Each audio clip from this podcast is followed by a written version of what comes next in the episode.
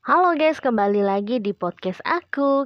Kali ini aku mau bahas tentang alat musik petik. Alat musik petik jenis alat musik yang cara memainkannya adalah dengan dipetik.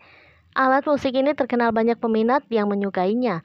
Meskipun tergolong alat musik yang cukup sulit untuk dipahami, tingkat kesulitannya berada pada kunci-kunci nadanya.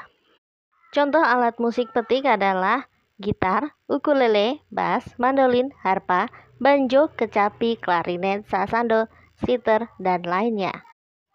Sekian podcastku kali ini.